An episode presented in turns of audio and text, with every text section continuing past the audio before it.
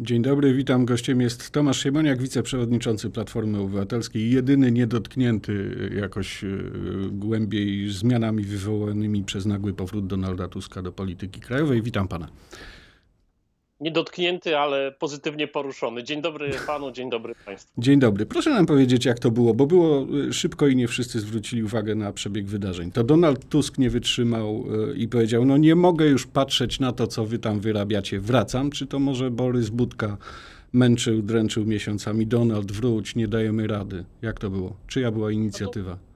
Gdzieś jest między Donaldem Tuskiem a Borysem Budką. Oni kilka tygodni rozmawiali i tu ten plan się zrodził, wymagający zaangażowania ich dwojga, bardzo poważnych życiowych decyzji w każdym z tych przypadków. Czyli pan tego więc, nie wie?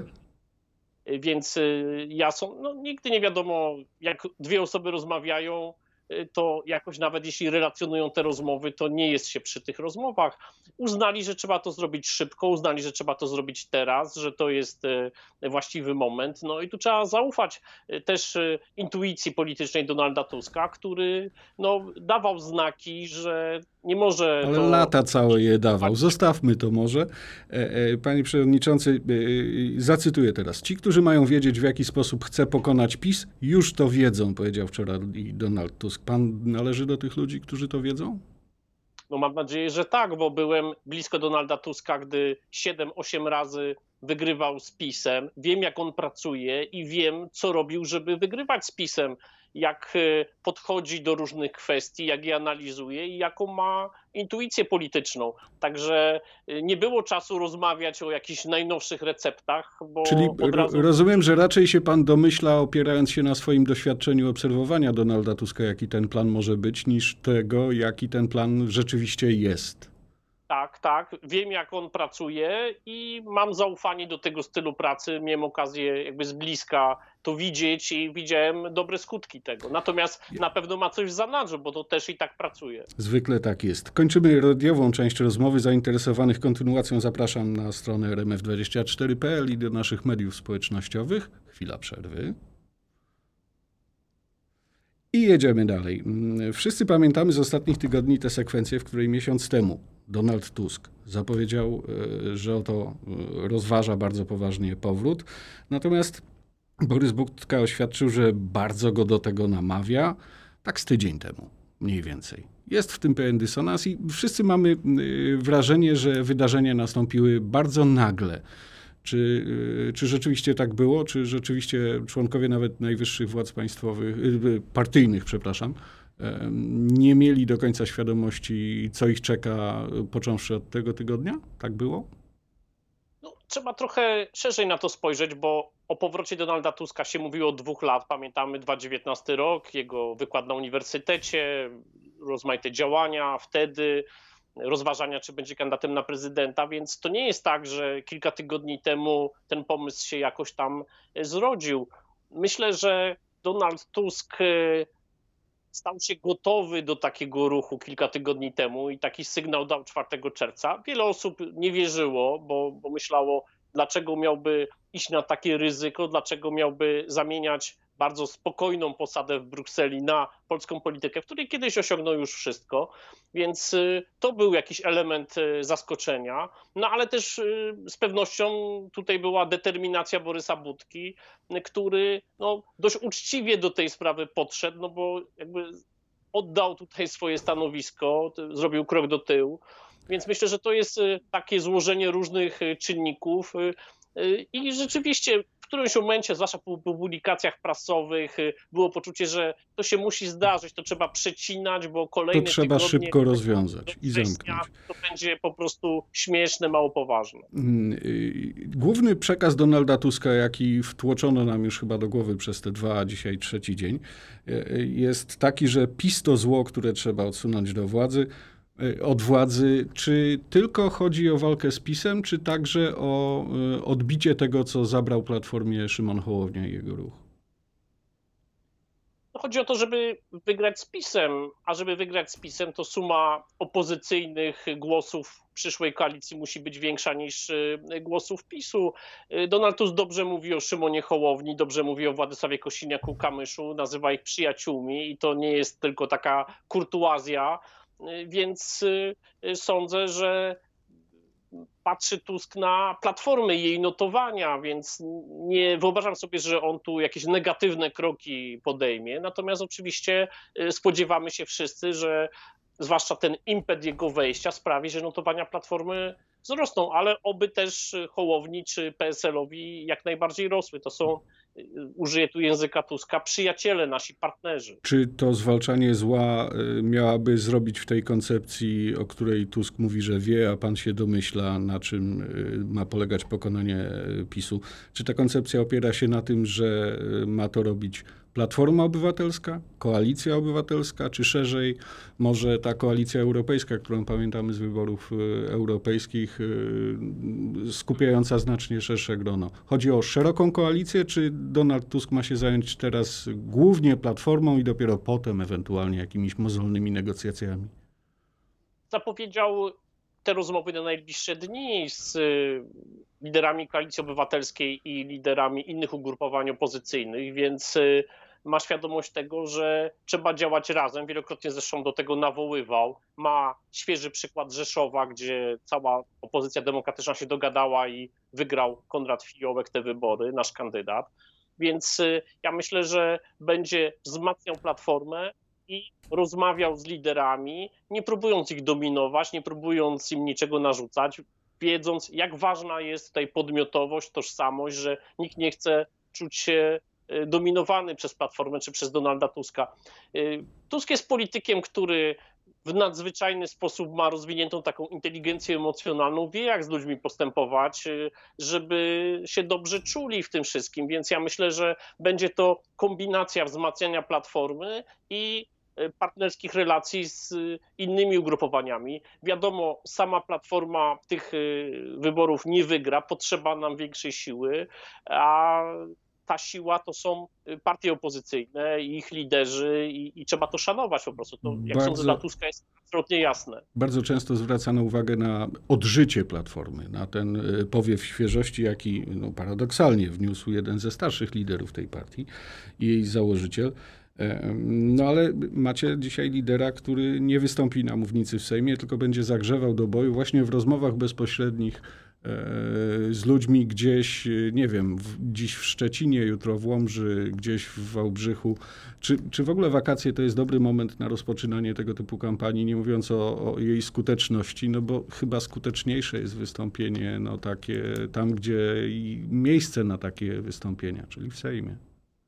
No wczoraj Donald Tusk miał konferencję prasową, półtorej godziny odpowiadał na pytania dziennikarzy. Dziennikarze przyszli i się tym interesowali, mnóstwo ludzi to oglądało. Bo to było nas... bardzo ożywcze i to było przypomnienie takich czasów, kiedy konferencje się zdarzały, ale za chwilę, jeśli będzie robił te konferencje codziennie, a na to się zanosi, no to to spowszednieje. Chodzi mi o to, że Trybuna Sejmowa za czasów y, władztwa PiSu y, nie jest y, takim miejscem demokratycznej debaty, ciągłe ograniczanie czasu, rzadkie posiedzenia Sejmu. Y, wypchnięto prawdziwą debatę publiczną z Sejmu, pośpiesznie przepychane ustawy, wyłączane mikrofony.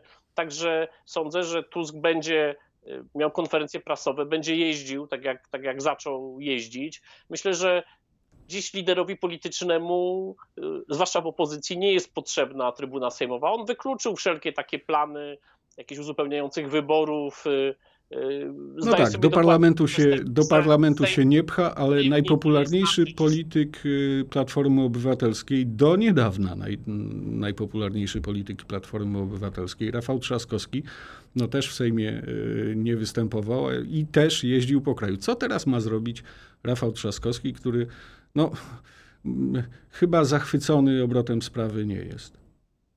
Obaj będą jeździć niezależnie od siebie po kraju? Rafał Trzaskowski ma trochę inne zadania. Jest też prezydentem Warszawy.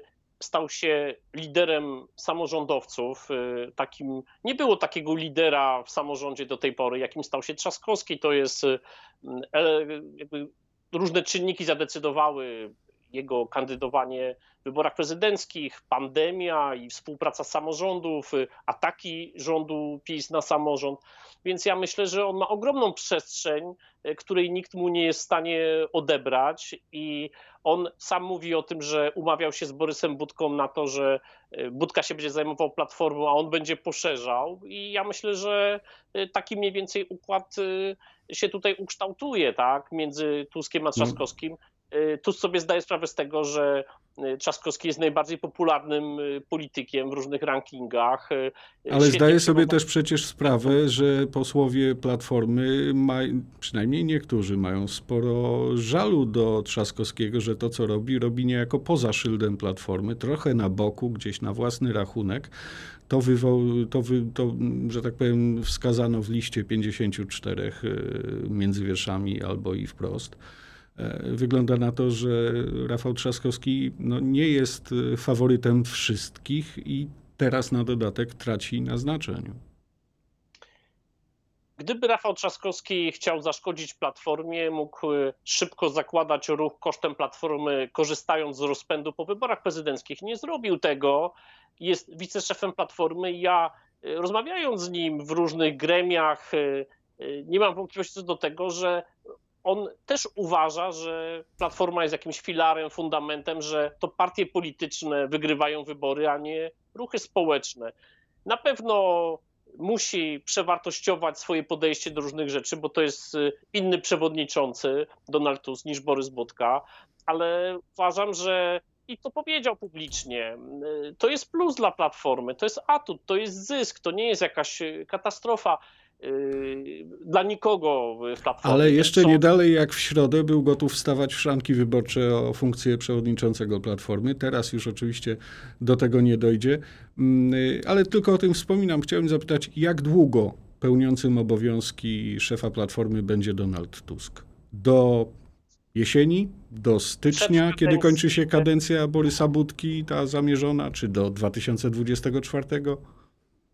No powinno się to tak teoretycznie odpowiadając rozegrać między styczniem 22 a styczniem 24, bo kadencja przewodniczącego trwa od 2 do 4 lat. Jest to w ręku Rady Krajowej i Tusk mówił wyraźnie, że on się do nas też wewnętrznie nie boi wyborów i może stawać do wyborów, jeśli trzeba. Natomiast y, nie ma żadnego sensu rozpoczęcie jego powrotu od rywalizacji o władzę w partii i podziałów, y, jakiejś tam jednak konkurencji która sam jako kandydat w takich wyborach wiem, że jest ostrą, twardą i trudną. I wszyscy członkowie władz prezydium y, przyjęli taki punkt widzenia, również Rafał Trzaskowski, y, więc y, jego aspiracja przewodniczenia jak najbardziej jest przez wszystkich szanowana, natomiast te wybory najwcześniej będą w przyszłym roku, najpóźniej na początku 2024 roku. Y, nie miałoby żadnego sensu, y, żeby teraz najbliższe miesiące spędzać na tego rodzaju rywalizacji wyborczej. Ja oczywiście też uważam, mówię to publicznie, że niesłychanie trudno, mówił o tym wcześniej sam Trzaskowski, trudno łączyć prezydenturę Warszawy przewodniczeniem partii, bo to nie jest tylko nieobecność w parlamencie, ale to jest full-time job, y, ratusz, ogromne no miasto no tak. z problemami, z wyzwaniami. Trudno jednocześnie kierować y, miastem i partią. Jeszcze na koniec y, pytanie z pogranicza polityki bardziej oparte na emocjach. Jak liderzy Platformy, członkowie władz znoszą sytuację, z której no dość jasno, przejrzyście, wyraziście wynika, że stracili inicjatywę, energię, partia jest w kryzysie, no bo taką sytuację diagnozuje między innymi Donald Tusk i muszą się ratować transferem zagranicznym tego emerytowanego ratownika demokracji, 64-letniego założyciela partii. Nie macie poczucia, że wychodzicie w, tej, w tym obrazie na gamoni, którzy po prostu y, roztrwonili spuściznę po założycielu? Założyciel sam wyjechał, a kto widział, jak śmiga po łazienkach e, wczoraj rano, biegając, e, to myślę, że kto go by nazwał starym i emerytem, mógłby tutaj narazić się na to, że e, kompletnie się rozmija z rzeczywistością. My jesteśmy od tego, żeby wyciągać wnioski z sytuacji w sposób demokratyczny i jak mówię, ta decyzja to nie jest transfer zagraniczny, to jest powrót do polskiej polityki kogoś, kto założył platformę, potem prowadził ją do, do największych A sukcesów. teraz musi jej pomóc, żeby nie upadła. No, upadek platformy wieszczony o- jest od jakiegoś czasu i jakoś zawsze y, No może. potrafimy przetrwać. Y, Więc y, ja myślę, że to jest coś, co nada bardzo dużą dynamikę, duży impet i ocenimy to za parę tygodni czy za parę miesięcy. A był to ruch, który był nam dostępny, skoro Tusk chciał wrócić, więc bylibyśmy wtedy rzeczywiście gamoniami, gdybyśmy z tego nie skorzystali. Dziękuję bardzo za rozmowę. Więc jednak, jak twierdzi wiceprzewodniczący, nie gamonie, e, wiceprzewodniczący Platformy Obywatelskiej Tomasz Siemoniak był gościem rozmowy w południe. Dziękuję za rozmowę. No, dziękuję.